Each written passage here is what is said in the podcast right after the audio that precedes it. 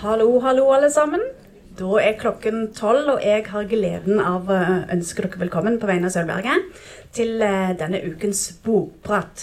Og i dag så er det eh, i, eh, bilder som står i fokus, og vi skal gi dere en introduksjon til den utstillingen som er på Sølvberg for tiden, i Sølvberg galleri.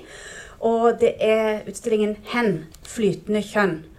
Det der et utvalg fra Haugar Vestfold kunstmuseum er stilt ut i vår andre etasje. Så da håper vi at dere tar en kikk etterpå, hvis dere ikke allerede har vært der. Etter å ha fått en grundig innføring av både det ene og det andre av kurator for utstillingen, Tone Lyngstad Nyås, som virker uhyggelig trivelig, så dere må ta veldig godt imot henne. Så gi henne en varm applaus. Det er òg lagd en veldig fin utstillingskatalog til den utstillingen, så den kan dere låne på biblioteket eller kjøpe den i utstillingen. Den er veldig fin. Så det var det. Da gir jeg deg ordet, ja, Tone. tusen takk. Uh, tusen takk for at jeg får anledning til å komme hit og fortelle litt om denne utstillingen 'Hen flytende kjønn'. Og jeg vil også takke Hilde Gunn Birkeland for det samarbeidet vi har fått til. For det er jo veldig kjekt, og det er jo veldig godt når institusjoner i Norge kan samarbeide litt og vise hverandres utstillinger. For det ligger jo stor jobb bak en produksjon. Eh, en utstilling er jo ofte mye mer omfattende arbeid enn folk tror. Jeg jobber altså på dette museet her i Tønsberg. Det er en eh, gammel sjømannsskole som ble, eh, som ble kunstmuseum i 1994. Og vi er jo veldig glad i denne bygningen. Det er en historisk bygning eh, som, som, gir en karakter til byen, og ligger på en høyde, da. Så, så her har vi da et, dette kunstmuseet, og der ser man inngangspartiet. Så der er dere hjertelig velkommen hvis dere tar en tur til Tønsberg og Vestfold. Så er det alltid noen utstillinger å se der. Litt skryt. Denne utstillingen 'Hen flytende kjønn' den er jo den utstillingen i Haugars historie som har fått mest medieoppmerksomhet noensinne.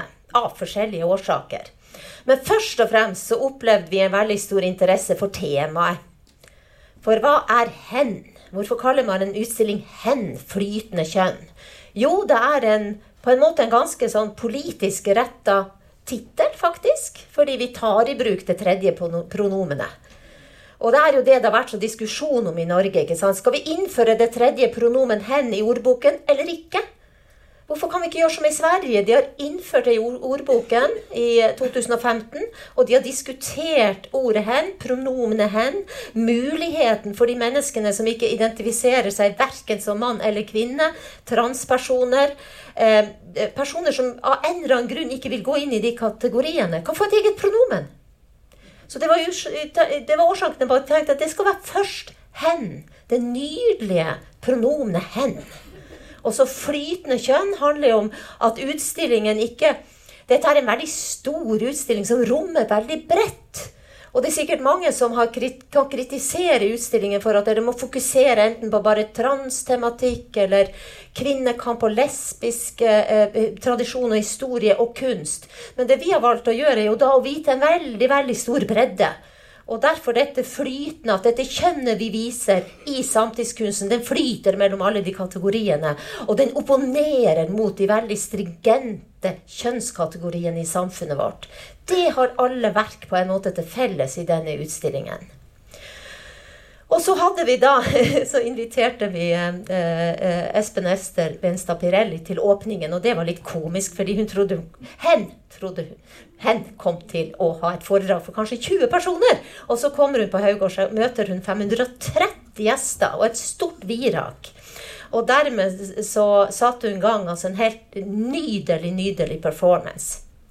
Eh, som da handlet om eh, det som hen er så fabelaktig for å forklare hvor viktig det er med et speil. Hvis man ikke føler seg som mann eller kvinne, eller hvis man føler seg som en kvinne i en mannskropp, så finner man ikke speilet. Hvordan skal man finne dette speilet som er helt nødvendig for å utvikle da eh, på en måte sin egen identitet og få, og, og få selvtillit? Og akkurat det er det veldig mange i, i, som har denne problematikken, som sliter med. Vi hadde under eh, Jeg skal si litt om formidlingen på Haugar. fordi at når man lager en sånn utstilling, så er formidlingen så veldig viktig. At man når ut til mange tusen skolebarn eh, og lærere og andre institusjoner. Og vi hadde bl.a. en eh, skuespiller som heter Charlotte Østers, som hadde en opptreden som var veldig viktig, for den gikk tilbake til historien. Den heter 'Du er fri', og hun gikk da tilbake til 70-tallet, 60-tallet og middelalderen. Hvordan var det å være homofil da? Hva slags straff, straffemekanisme lå bak i samfunnet? Hva slags type utstøtelse møter du på? Og disse historiene fant hun i Vestfoldarkivet. Så hun samarbeidet med arkivet, og så introduserte hun utstillingen med den, dette historiske tilbakeblikket, og trakk det opp til vår samtid. Så hun hadde da mange grupper i, eh, i uh, omvisningen. Vi formidlet denne utstillingen til 4390 barn og unge fra Vestfold. Men det var organisert. Det var noe, vi hadde DKS-prosjekter med verksteder i kjelleren, der de lagde kollasjer og arbeider som dere ser her. Men samtidig så hadde vi jo en var jo publikummet vårt endra på 1, 2, 3 via denne utstillinga. For plutselig så gikk vårt publikum fra å være pensjonister til å bli ungdommer. Og det var ungdommer i 12-13-14-årsalderen som kom på den utstillingen. Og de kom frivillig. Og da kan jo si, da er vi ganske fornøyd som museum når vi kan få 3000-4000 frivillige ungdommer som kommer fra ungdomsskolen. F.eks. hvis noen var syke, så kom de dagen etter og så sa de vi var syke i går, og vi må, vi må få se utstillinga. Så det var liksom en del. Den ble veldig populær. Folk var nysgjerrig. Hva er det her slags utstilling? Og det er jo sånn at det er viktig å ta opp for et museum samfunnsaktuelle problemstillinger og spørsmål, som også kanskje ikke er så lett. Ikke sant? Et spørsmål som klimaendringer, eh, flyktningproblematikk, eh, eh, eh det flerkulturelle samfunnet f.eks.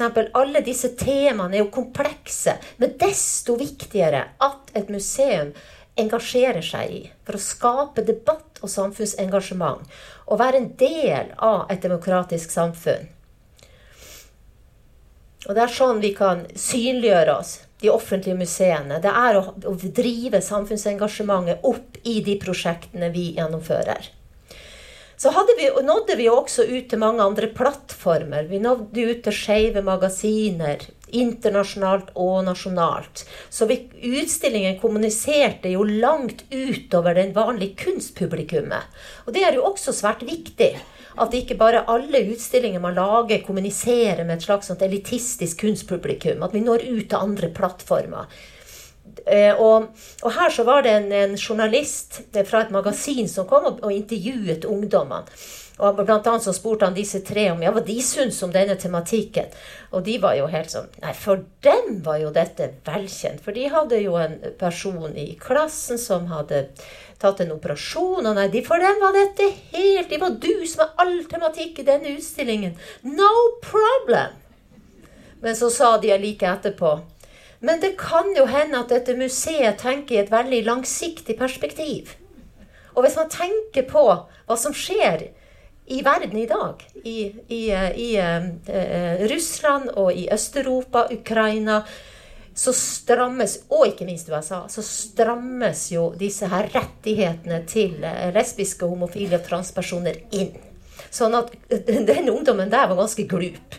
For han mente at dette var et viktig var et, liksom et, Det var et demokrati, det var et demokratispørsmål. Så, så det syns jeg var et veldig morsomt svar. Altså nye kommunikasjonsplattformer og nytt publikum.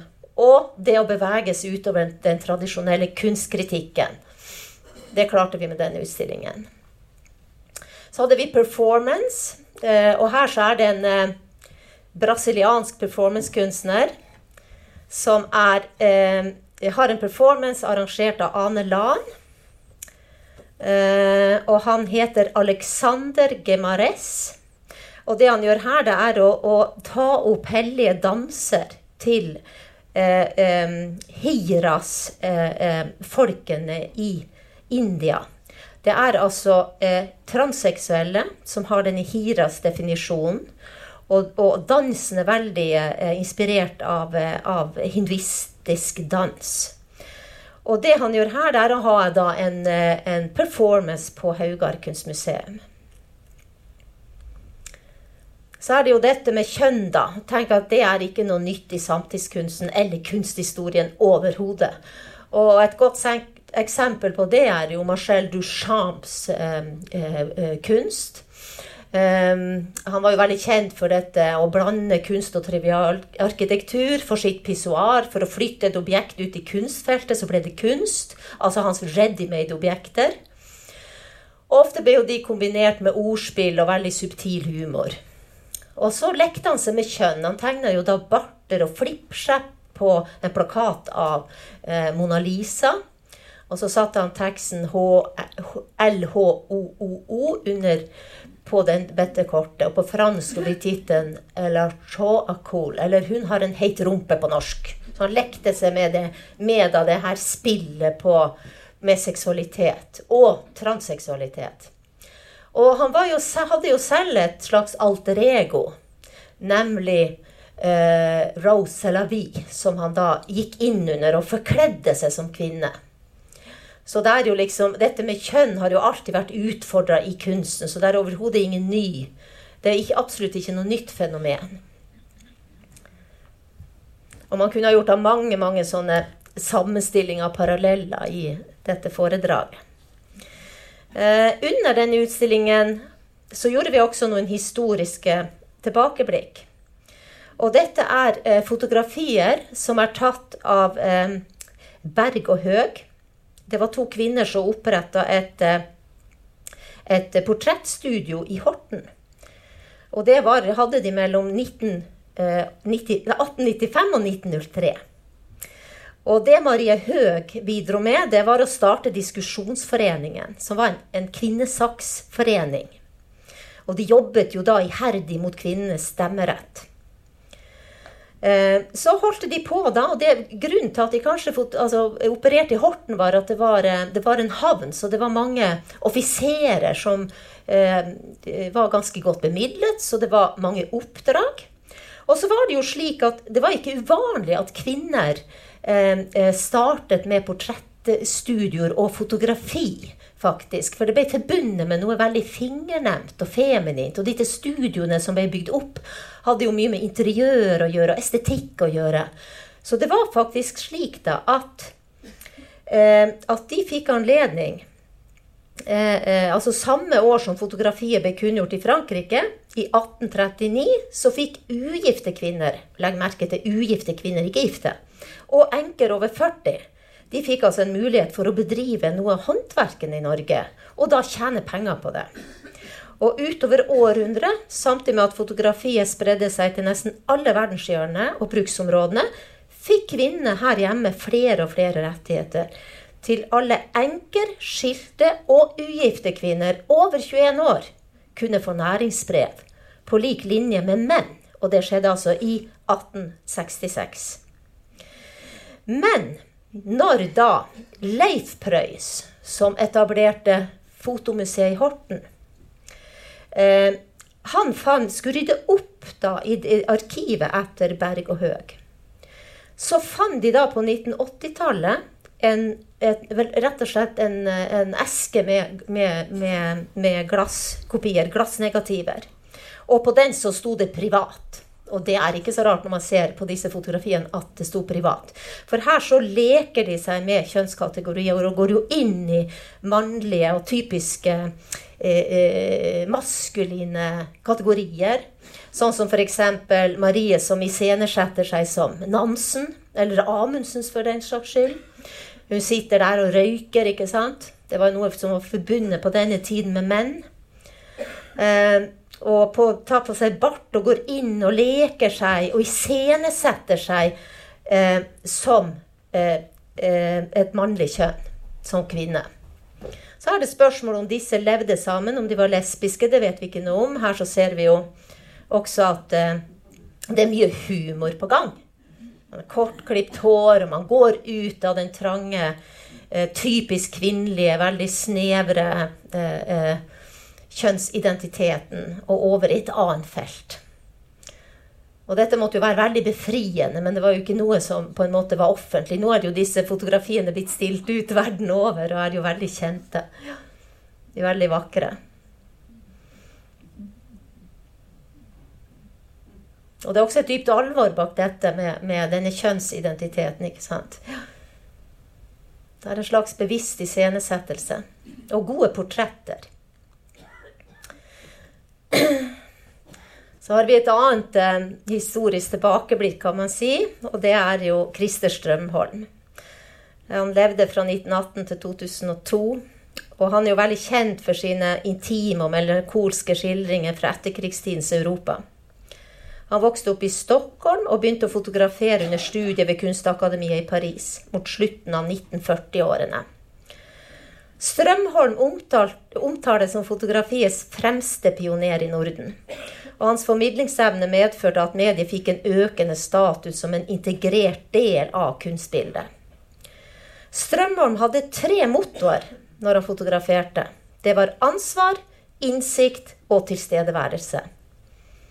Og disse begrepene de satte han sammen, de, de satt han sammen og betegna som det samme som å utsette seg. Og det gjorde han ikke minst her, når han på eh, 50- og 60-tallet jobbet i Paris og ble venner med mange transseksuelle. Han kalte bare for 'mine venner'. Og det han gjorde, det var jo å gå inn og Altså, han bodde jo sammen på, på samme hotell og gikk ut og var sammen med de som sine venner, og så fotograferte han. Men det han fikk til, det er jo en, en, en på en måte slags en portrettering der det er noe dypt sårbart som stiger frem i disse fotografiene. Samtidig som det er veldig intimt. Og så er det samtidig noe som har med skjønnhet å gjøre, og den dype respekt for individene han fotograferer. Så det er ingenting som havner i en sånn voyeuristisk skildring ikke sant? En skildring der man kikker inn på noe et rart fenomen. Det er heller noe nært og veldig humanistisk i måten han, han fotograferer på og respekterer eh, disse individene. Og Cynthia, dette er jo et, et, bilde jeg fikk låne spesifikt for denne utstillingen. Eh, man sier 'hen ligger på sengen' da, som en klassisk Venus-figur. Avventende og lengtende. Og da kanskje lengtende først og fremst etter kjønnsoperasjon. For det var det eh, de, veldig mange av eh, disse menneskene var jo transseksuelle og jobbet iherdig for å få råd til kjønnsoperasjon. da. Det var det som ofte var målet. Men disse skildringene jo, har jo ikke alltid vært like godt mottatt som de blir i dag. Eh, det, han arrangerte jo en utstilling i 1965 som het 'Til minne om meg selv på varehuset i NK i Stockholm'. Og den utstillingen, det var altså disse bildene her. De ble raskt tatt vekk og revet ned med avsky og forargelse blant det borgerlige publikummet i Stockholm. Og det skulle altså gå 18 år før bildene dukka opp igjen i form av en bokutgivelse i 18, nei, 1983. Ja. Og da på det svenske forlaget ETC. Det er nøyaktig 25 år siden Strømholm inngikk sine, sine vennskap i Paris.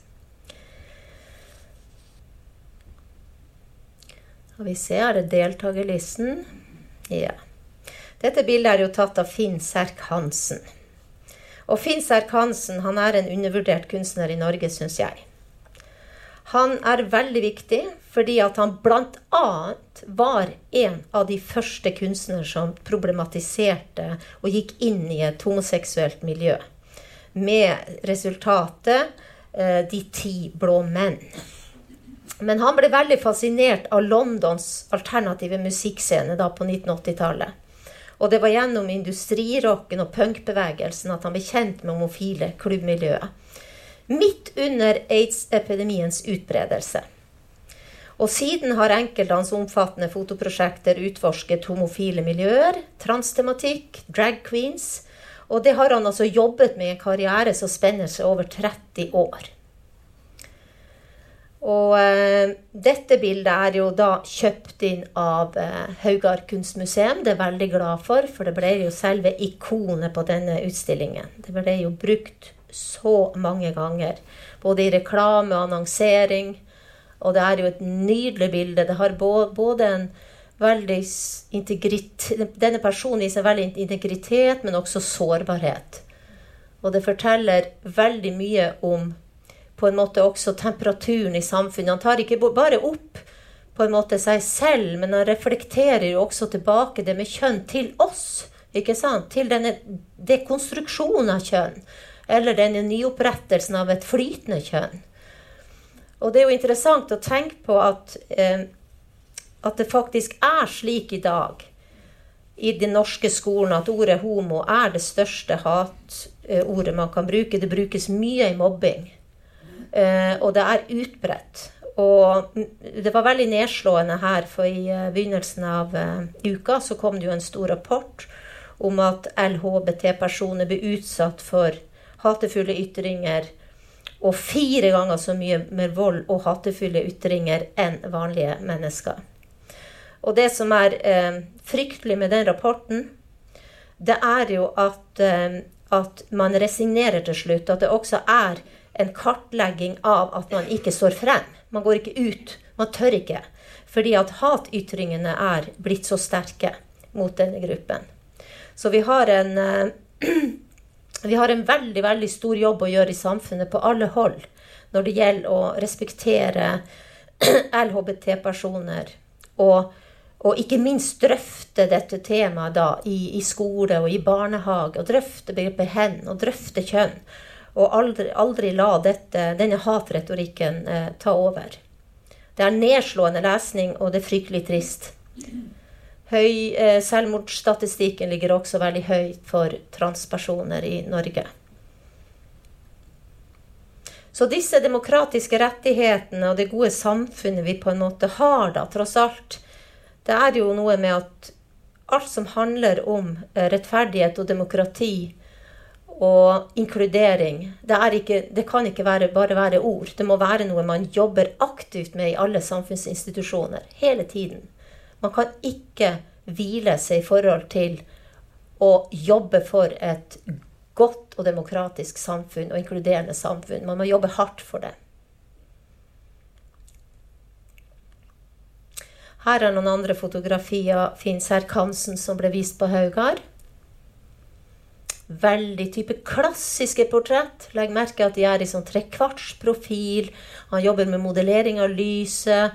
Han jobber med tegnene, med fargene. Det er noe veldig sånn klassisk og til dels monumentalt i disse portrettene. De griper langt tilbake i kunsthistorien. Og her ser vi jo en samling. De ti blå menn de eier jo Nasjonalmuseet. Og da blir det vanskelig, for de leier, låner ikke ut verk i den perioden de har nå. Så det vi gjorde, var å lage en søyle der vi på en måte satt sammen da, disse bildene. Og der det ene ble kopiert opp stort nå. Og henger ute, på, ute i utstillingen.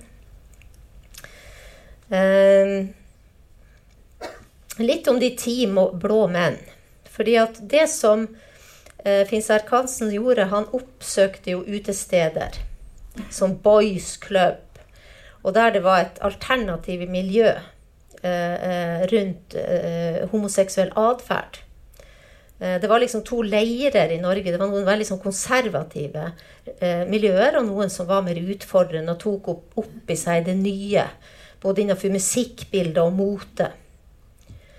Um, og de brøyt jo da de her veldig sånn sedvanlige kategoriseringene mellom ulike grupper innenfor homomiljøet. Så han utfordrer rett og slett konservatismen i klubbmiljøet rundt Metropol. Og det gjorde han ved å henge opp plakater av et av fotografiene fra serien. Og det er den såkalte lærmannen. Jeg vet ikke om dere ser den helt i midten, den sorteste figuren. Som er en sånn eh, eh, skjult lærmaske. Og det var veldig provoserende. Han, eh, den handlingen. Det er veldig mange som husker. Og denne fotoserien den kommuniserer jo et androgynt mangfold. Og det må jo også regnes som en av landets fremste bidrag inn til kjønnsdebatten på 1980-tallet. Og det han gjorde, han tok jo først eh, sort-hvitt-fotografier av modellen i studio. Så dekket han noen av de til med objekter. Men så, når han tok da fotografiene og fikk de fremkalt, så dekket han fotografiene med nye objekter igjen. Og så fotograferte han de med ny kunstfilm i dagslys. Og der, Det kan dere se ute i det eh, bildet som henger ute i gangen, hvordan denne kakepynten ligger på. Den er liksom lagt på fotografiet og så fotografert på nytt igjen. Eh, så det er klart at hans serie er jo direkte knytta til en homokamp og til en frigjøringskamp og til en synliggjøring av en marginalisert gruppe. Men det er jo også nedslående å tenke på da, at han begynte da på begynnelsen av 1980-tallet med denne serien. Og da var det faktisk bare åtte år siden man kunne straffes for sin homofili eller lesbiske legning i Norge. Det er litt det er litt sånn eh, surrealistisk nesten å tenke på. At det faktisk ikke er så lenge siden. Et bilde bare med fra en demonstrasjon. Vi samarbeidet jo også med Skeivt arkiv i Bergen, så vi viste bilder da fra fra forskjellige demonstrasjoner og, og pride-parader opp gjennom årene, da. Fra 70-tallet opp til i dag. Der er det bildet som henger ute i utstillingen. Så har også eh, Finn Serkansen jobbet med eh, eh, homsepar som har barn. Altså det, han har liksom fulgt med på utviklingen og tenkt at han skal dokumentere på en måte den delen av skiftet i kulturhistorien. Så det viste han også på Haugar, denne her eh, serien med, med, homoseksuelle par som da Noen har barn, andre ikke barn. Veldig fin sånn hverdagslig skildring av eh, miljøet. Og av ulike individer, ikke minst. Det individuelle trær trer veldig godt frem i disse motivene.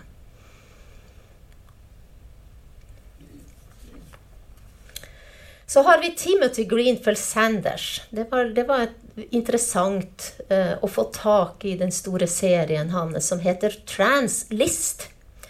Og han, uh, har, uh, han, er jo en veldig kjent kunstner fra USA, bor i New York. Og han har bl.a. Uh, jobbet med flere sånne lister, eller kategoriseringen av mennesker. Han har bl.a. jobbet med The Blacklist i 2008, The Latino List i 2012. The Outlist og The Woman List. Og nå altså The Trans List. Og det er klart, bak dette ligger det humor. For humor ligger på den type kategorisering vi gjør av hverandre og av eh, individer. Det er behovet for kategorisering. Eh, og disse transpersonene her har jo alle byttet kjønn. Så ser man en kvinne, så har det vært en gutt. Ser man en eh, eldre kone, så har det vært en mann. Eh, og mange av disse personene er jo også kjendiser i det amerikanske samfunnet. Så her så gir han en sånn temperaturmåler på, på, på en måte hvordan bildet av transpersoner har endret seg radikalt gjennom årene. Her så ser vi jo at han også i 2016 så starta Greenfield Sanders en samarbeid med journalisten Janet Mock. Det er hun som sitter der nummer to øverst. Eh, og hun intervjuet alle deltakerne i The Translist. Eh, og det ble en sånn eh, reality-TV-serie. Og så har vi jo eh, Laverne Cox, som dere kanskje kjenner fra Orange is the New Black. Hun er da fra nummer tre nederst der. Så det er både skuespillere og, og, personer som har på en måte oppnådd en slags kjendisstatus. da. Men det er ikke slik at eh, Greenfield Sanders gjør dette helt uten grunn akkurat nå. Fordi tidspunktet for prosjektet det er absolutt ikke tilfeldig. Da LHBTI-personer i USA har opplevd en større usikkerhet i en tid hvor Trump-administrasjonens populisme truer innvandrere, minoriteter og minoriteter til menneskerettigheter. Et eksempel på det er at i 2015 så evaluerte Forsvarsdepartementet politikken rundt transpersoner i militæret, og kunngjorde at forbudet mot tjenestegjøring ville bli opphevet. Det var i 2015 med Barack Obama. I 2017 annonserte Trump at for, forbudet skulle innføres igjen. Og militærledere som nektet å implementere loven, kunne altså bli tvunget til å gå av. Så disse tilbakeslagene for LHBTI-personer i store deler av USA er også en, eh, en, en faktor. som kunne ha motivert, eh, motivert eh, Timothy Greenfield Sanders for å utføre denne serien.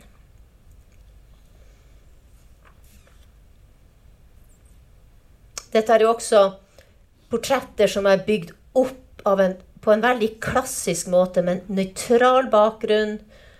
Og det, de er veldig frontale, de er konfronterende. Og de sier egentlig til mottakeren at hvis du prøver å generalisere meg under denne lista, så får du litt motstand.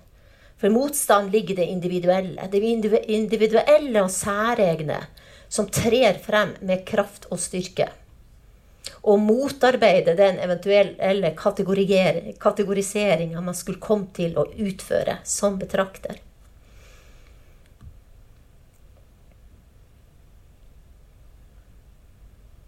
Det er også laget en bok og en film om disse menneskenes kamp i forhold til det å skifte kjønn.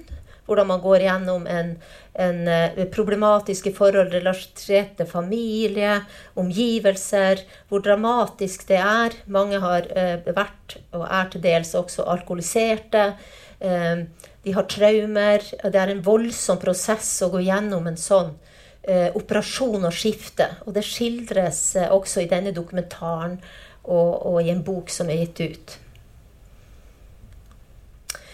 Så har vi Marit Victoria Wulf Andreassen, og hun kjenner dere jo godt, for hun er jo fra Stavanger. Og er jo en av Norges fremste kunstnere, vil jeg si. Hun har da jobber med tegning som medium, det kjenner dere ikke sikkert til.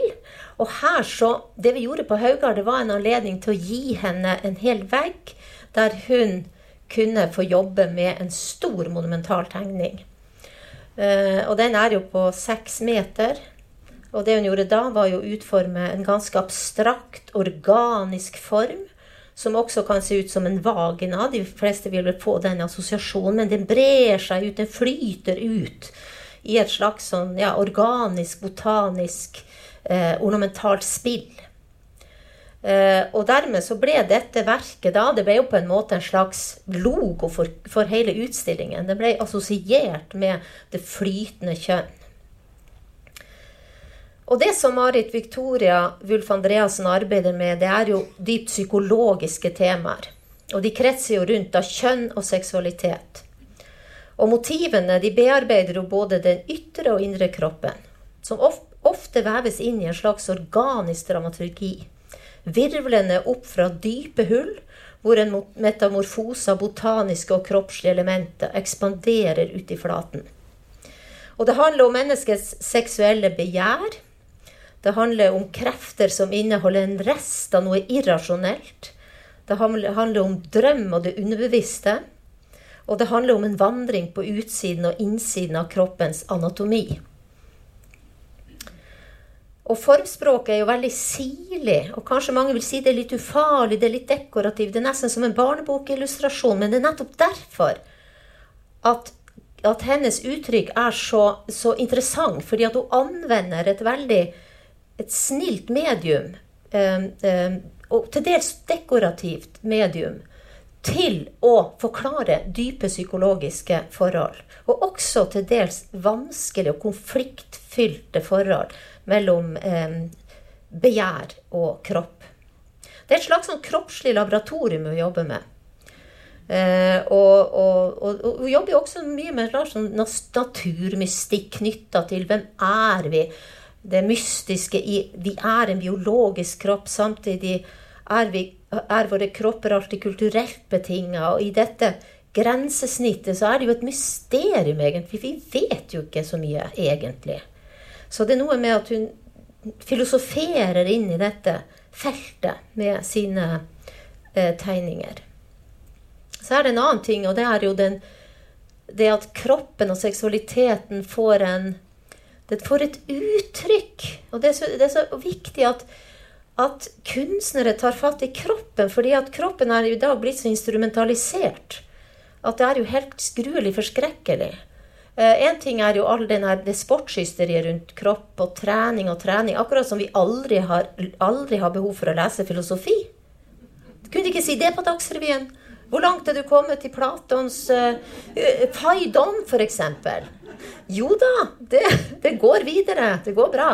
Det er jo en veldig popularisering av kulturen. Denne her, det enorme fokuset, selv om det er vel og bra å, å trene og alt det der. Det er ikke det jeg sier, men det får et overfokus. Og, men det verste er jo ungdommen. For deres tilgang til, til um, sin seksualitet går jo mye gjennom så nettporno. Og, og, og, hvis man har sett litt på det, så skjønner man at de, de eh, pornobladene vi opererte med på på, i vår ungdom på 60- og 70-tallet som man fant under senger og sånn, det blir virkelig altså rene, uskyldige glansbilder i forhold til hva de får av, av informasjon fra det nettet. Og det, derfor er det så viktig at noen kunstnere jobber med seksualitet som tematikk. Fordi det er den subjektive eh, inngangen til seksualiteten. Og Marit Victoria sine ting var derfor så, eller arbeidet var derfor så viktig i formidlingen for Haugar. Derfor starta vi utstillingen med hennes rom. Fordi at den der Det var noe altså, ungdommen ble møtt først med. Det var, det var denne, denne på en måte subjektive og ironiske og humoristiske eh, inngangen til kropp og seksualitet. Sånn som kuk-lyskrona der borte. Man må jo si at det er et ganske humoristisk tilslag, for man forbinder jo interiør og lysekroner med noe kvinnelig. Og der har altså mannen kommet og annektert sitt territorium. Ehm, så det er, det er noe med, med, humoren her, og humor er jo veldig viktig i, eh, i, eh, i Odelai, som er på den det største bildet, ikke sant, også. Mer åpen for fortolkning. Her er også nydelig, nydelig arbeid.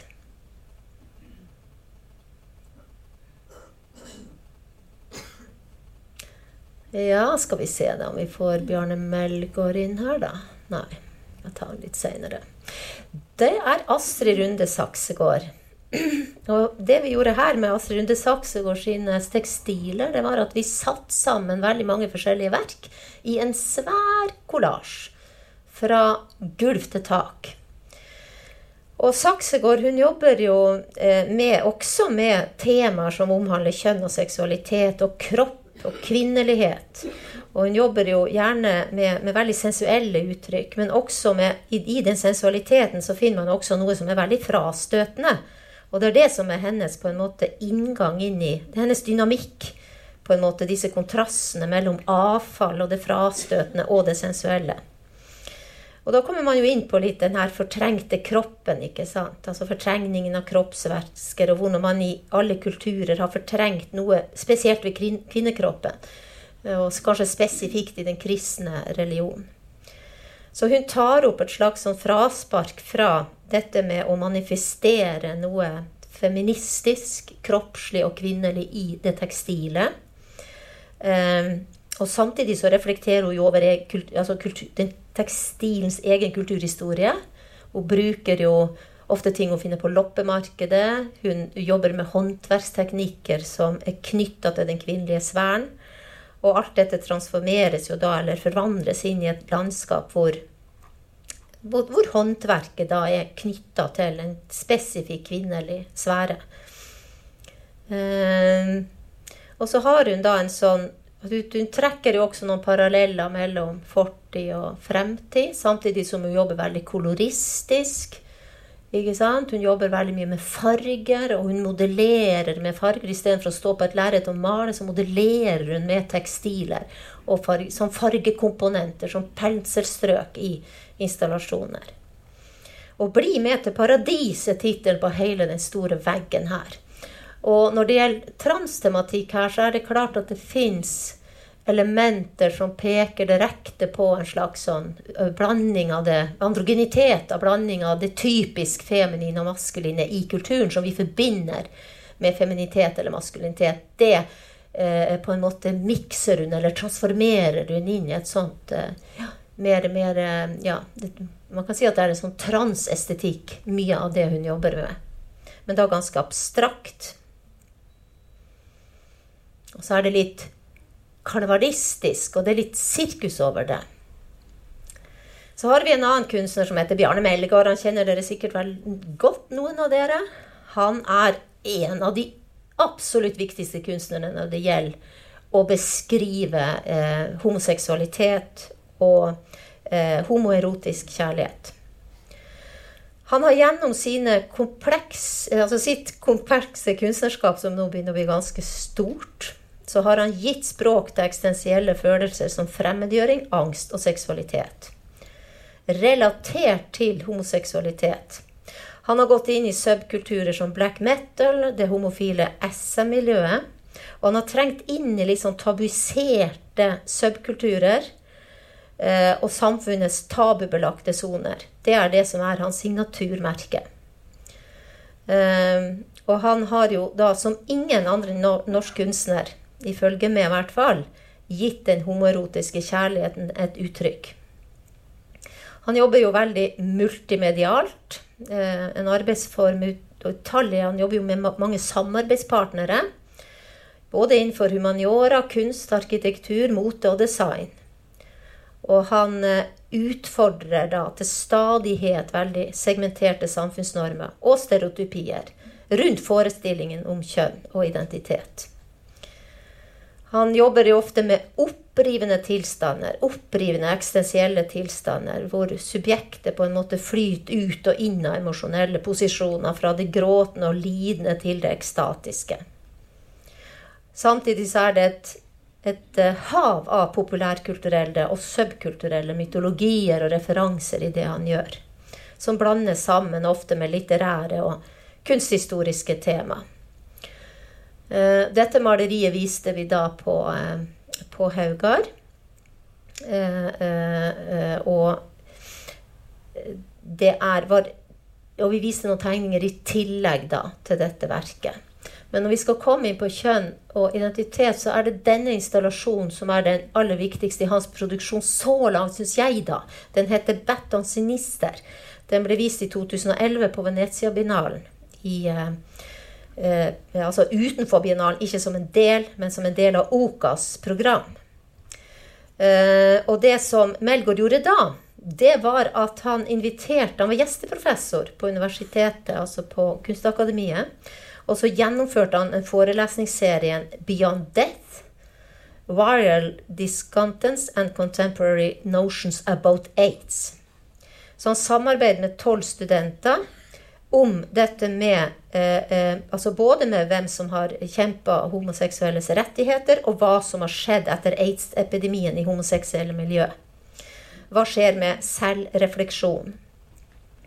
Eh, sånn rett og slett en stor sånn tema, kongress, men som ble også, der man også fokuserte på frontfigurer i rettighetskampen på 1960- og 70-tallet. Så, så, homofili ble betrakta både i et teoretisk og filosofisk perspektiv, men, og ikke minst opp mot eh, katolisismens eh, utbredte homofobi. Så mange av disse studentene da, som jobbet med Melgaard, de kunne jo vise til sånne forvrengte ja, sånn diabolske fremstillinger av paven og sånn. Det var det mye av. Så det, det i, i denne da store installasjonen som ble vist på et kjempestort palass i Venezia. Og det er kanskje noe av det ja, det er, det er, kanskje et av de liksom, For det er et stort manifest. Det er ikke bare en utstilling. Det er en teoretisk forskning, og det er en akademisk forskning koblet med en stor workshop. Som fikk stor oppmerksomhet også i uh, New York Times, annet for å være et av de bedre bidragene rundt Venezia-biennalen. Øyvind Reierstad eh, han er en veldig sentral kunstner i forhold til dette med kjønn og identitet. Og han har i noen år eh, jobbet med A-project, der han i samarbeid med andre kunstnere undersøker religion og okkulte tradisjoner i forhold til skeiv kultur og så iscenesetter han seg selv, gjerne under pseudonymet Ane Lan. Og det er det kanskje mest kjent for. Og det er under dette aliaset, da, Anne-Lan, at han jobber med en utforskning av f.eks. kvinnefremstillinger i dialog med teori, historie, ideologi, tradisjon, spiritualitet, psykologi, mystisisme og religion. Og et gjennomgående trekk ved Lans praksis det er at han ønsker å utforske og kanskje også utfordre kjønnsbegrepene. Og de kulturelt etablerte mekanismene og strategiene som omhandler kjønn og identitet. Så der tar han jo opp litt gender trouble, altså Judith Butlers teori om at kjønn er Altså når man sier at kjønn er noe iboende, så glemmer man at den kulturelle betingelsen man eh, vokser inn i, er veldig avgjørende for hvordan man da ser på sitt eget kjønn. Sånn at kjønn kan ikke etableres som noe essensielt utenom samfunnsdiskursen. Det er en umulighet. Altså kjønnsidentiteten og subjektet formes da av aktive, repetitive, performative prosesser. Altså man skaper kjønnet allerede før man Jeg husker da jeg fikk min første sønn, så skulle jeg gå og kjøpe noen sånne små sokker. Det var kanskje to uker. Og da sa jeg jeg vil gjerne ha eh, et par sokker til sønnen min. Og da kom hun fortvilt til kassen og sa de hadde bare rosa igjen. Så det starter jo allerede inn i magen. Alt er forut på en måte litt bestemt i, for, for i, i forhold til hvordan man blir mottatt som subjekt i denne verden. Så det han gjør her, da, han går jo inn i, i dette med kvinnelighet. Og så iscenesetter han seg da, ikke sant, som i dette tilfellet som en brud. Hvordan er ansiktsuttrykket, hva slags ydmykhet, hva slags serviceinnstilling som ligger der speilet som holdes opp. det er en del sånne trekk som ligger, ligger litt sånn under denne koden som, som, synes her, som han da på en måte stiller noen spørsmål med. Og så er det offerrollen, da. Knyttet til det kvinnelige subjekt. ikke sant? Å gå inn i offerposisjon. Kan man jo si kanskje problematiseres litt her. Så han har en utrolig Denne iscenesettelsen er jo det har han jo av veldig, veldig mange verk som handler om det å gå inn som kvinne og iscenesette seg da i ulike posisjoner. På Haugar så, så viste han et uh, verk som heter 'Fødsel', 'Birth'. Og det vi ser her, det er at han prøver å gå inn i en posisjon som fødende kvinne. Og det er eh, ganske sterkt, fordi man tenker at det er jo noe menn blir holdt utenfor. De, de, de, klar, de får jo aldri erfart fødsel. Sånn at han går, prøver å gå inn, dypt inn i dette med smerten, og han kjenner jo selv smerten. Han går, suggererer seg inn i denne tilstanden. Og vi ser her at dette er altså et todelt videoarbeid. Og det viser jo to fødselsscenario eh, som utspiller seg. I det ene, som den er hitterst her, her er det en kvinnelig skuespiller eh, som i fødselssmerter omgitt av omsorgspleie, sykepleiere og en lege. Hun er da omgitt av det tradisjonelle, eller får vi håpe tradisjonelle, som fødende kvinner blir møtt med på et sykehus. Så forsterkes riene, og så ser vi ikke at hun føder, men vi ser fødselsscener da, eller når barnet kommer i mors fang. Mens den andre siden der Anne Lan ligger og føder, der er det bare smerte og ensomhet. Der ser vi liksom hans posisjon som fødende. Det er ingen til stede. Han er forlatt, men han har smertene og riene. Han prøver altså å inntre i en slags sånn sanselig erfaring som er forbeholdt kvinnekroppen. Eh, og den erfaringen står jo menn i utgangspunktet som tilskuere til, da. Og det er jo litt interessant at en sånn intim og også utsatt eksistensiell situasjon som den fødsel er, at han gjør det til et tema i kunsten. Det er jo veldig interessant. Og vi ser her på Haugar hvordan den installasjonen hang, og så det bildet som heter 'Mor og barn'.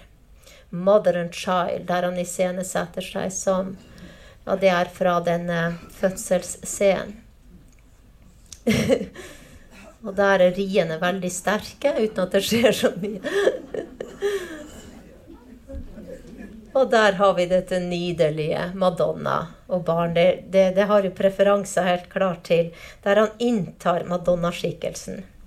Og dette sorte håret det tror jeg, jeg, tror det ligger litt i en referanse til Munchs Madonna, faktisk, i, den, i det håret. Så her holder han sitt nyfødte barn eh, i sin trygge favn. Er et veldig vakkert bilde.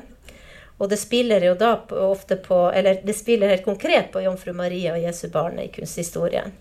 Men det er i Maria-skikkelsen i kunsthistorien, eller i, i, i den Maria-ikonografien, da, har jo veldig mange ulike fremstillinger. Det er jo bebudelsesscenen, f.eks., og det er himmeldronningen, og det er Guds moder, og det er kappemadonnaen, og det er Mater Dolorosa, den sørgende mor.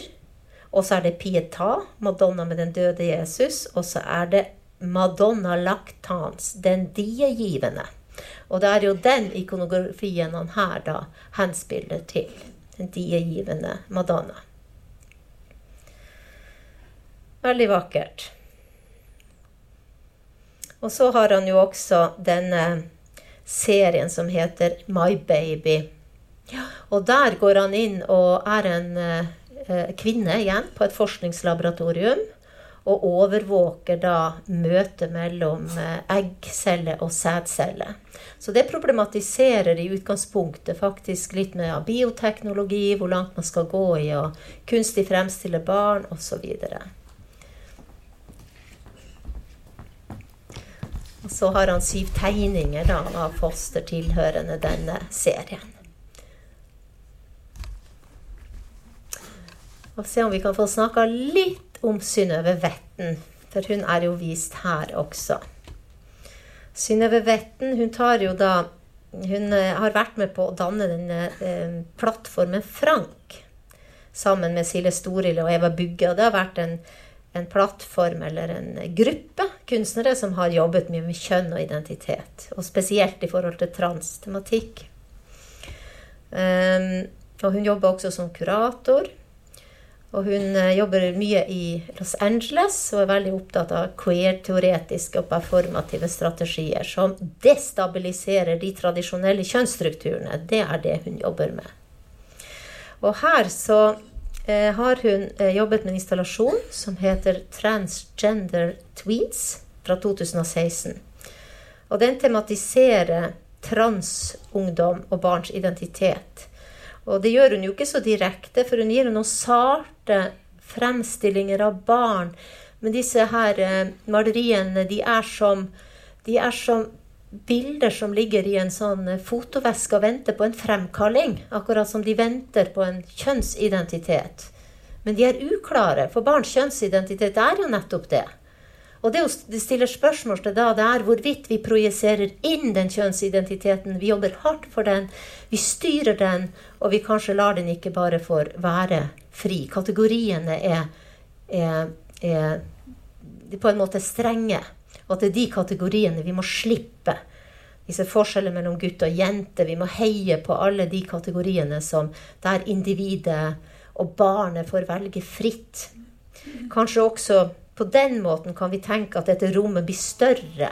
Dette rommet med identi altså identi identitetsrommet og mulighetene. Friheten blir større. Så, så her så, så, er jo også det noe med de her hvite lerretene som gir en slags medisinsk aspekt, faktisk. Litt sånn klinisk aspekt. Og hun går jo også her direkte inn på et annet tema, nemlig loven for juridisk kjønn. For det er jo nå først i fjor at loven for juridisk kjønn ble endra, slik at barn helt ned i seksårsalderen kan bestemme sitt eget kjønn, uavhengig av deres biologiske kjønn. Og det er jo en stor revolusjon i samfunnet. Og det betyr at du kan kalle deg eh, Du kan endre kjønnsidentitet og uten at det har noe med operasjon å gjøre, og uten at det har noe med diagnose å gjøre. Og du kan også endre altså gå gjennom operasjon og endre kjønn uten at du går inn i den diagnostiserte delen av psykiatrien.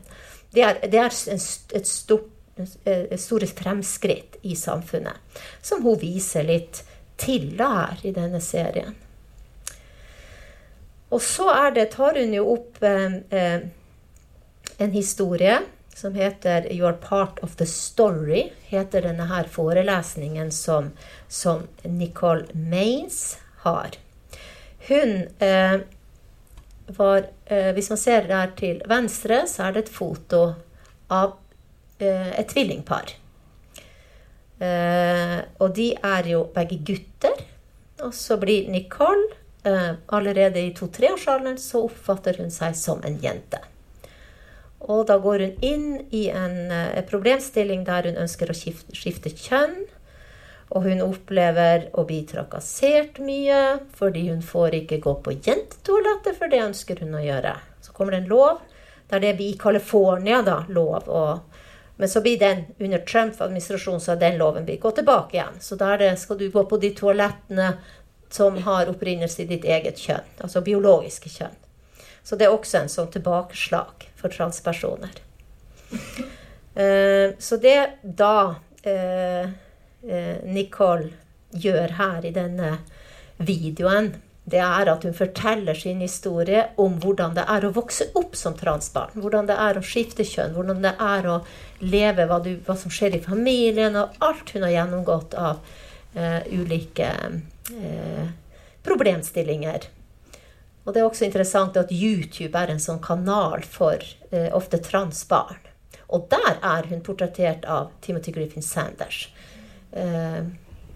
I den serien som jeg viste først. Så hun har blitt en sånn talsperson ikke sant? og et ideal for transpersoner. Veldig viktig.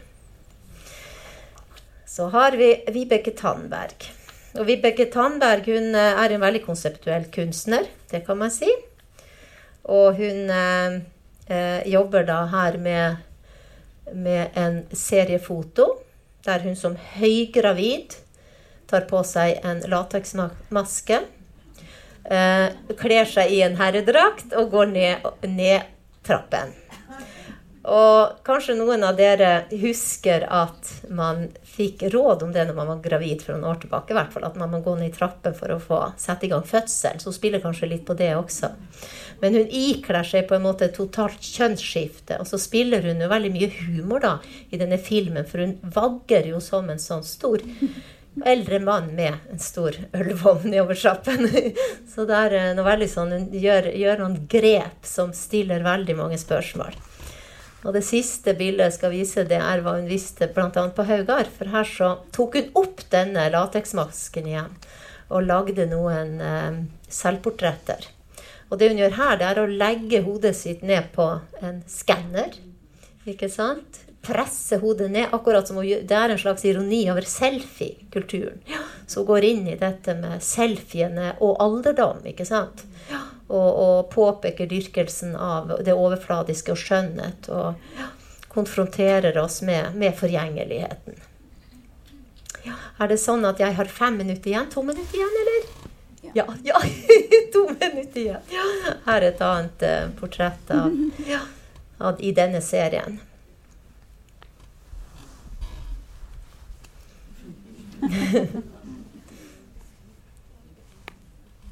Så gjør hun jo også på 90-tallet en serie som er veldig interessant, for da oppstår jo muligheten til å sømløs smelte sammen ulike bilder ikke sant, i digitale foto. Og da oppstår det jo disse her androgyne bildene der hun smelter sammen sin egen identitet med kunstnervenner. Så hun bare liksom syr sammen en helt ny androgyn identitet. Det er også veldig interessant i forhold til kjønn. Ja, til slutt så ser dere jo da eh, Så tenkte jeg kunne si noe veldig kort om Narve Hovdenak. Eh, og det er fordi at han er en, eh, en veldig viktig kunstner. Fordi han er en mannlig kunstner som problematiserer mannsrollen. Og det er det ikke så mange som gjør. Vi trenger flere menn som problematiserer mannsrollen. Så han jobber med en form for sånn litt um, Han jobber jo både med video- og filminstallasjoner. Der han tar opp veldig sånn ytterliggående maskuline stereotypier. Og det ser man jo først og fremst i denne Neoman. Så ser man disse stereotypiene, og så går han inn som skuespiller selv. Men samtidig så spiller han jo da på disse at man ser at i de kjønnsrollene han går inn i, så har han fremmedgjort, ikke sant? Og så er de, er det en slags destabilisering av selve man ser. Man ser en slags sånn, sånn, sånn ja, fjernstyring av subjektet. Fordi at disse, disse aggresjons... På en måte sånn machoaktige rollene, de er på en måte fylt både av vold og overgrep i utgangspunktet. Og så viser han også arbeider der han spiller på det sensuelle, kan man si, men også det sårbare. Altså både sårbarhet, følsomhet, skam kommer fram i subjektet relatert til kropp, relatert til identitet. Og nettopp det gjør han så interessant som kunstner, at han tar opp og drøfter mannsrollen og viser seg da i sårbare og også androgyne posisjoner. Så på den måten så stiller han kritiske spørsmål, men han bryter også ned og løser opp de tradisjonelle kjønnskategoriene. Ja, kanskje vi skal avslutte med dette bildet her. Det er fra Pride-festivalen i Oslo. Det her er vel fra 2017, men eh, det er jo en fantastisk begivenhet at man har 30 000 deltakere på Pride-festivalen i Oslo. Det viser jo et enormt fremskritt, rett og slett. Og det viser at vi lever i et godt demokratisk samfunn med ytringsfrihet. Og i 18 så var det jo sånn at man gikk for en annen, og her så var det jo da eh, Ukraina som var tematikken. Og den loven som ble innført i Ukraina og i andre deler av Øst-Europa, er helt urovekkende. Fordi du kan arresteres hvis du viser at du kysser den kjæresten din. Altså du er homofil eller lesbisk, og du kysser f.eks. For foran en skole. Da du, havner du i fengsel. Det er forbudt De sier å drive propaganda, men det betyr det er forbudt å vise sin eh, kjærlighet som homoseksuell eller lesbisk transperson. Og det er lagt blokk på alle parader. Alle som ønsker å rope opp, eller eh, alt arbeid med menneskerettigheter relatert til, til eh, LHBT-spørsmålet, er undergravd i disse landene. Og det er en veldig negativ og farlig utvikling. Så det er veldig fint da at man kan belyse denne denne mangelen på menneskerettigheter i disse spesielt østeuropeiske landene, som ligger nært oss, i denne eh, Pride-paraden i Oslo. Yes! Da sier jeg takk for meg. Tusen takk.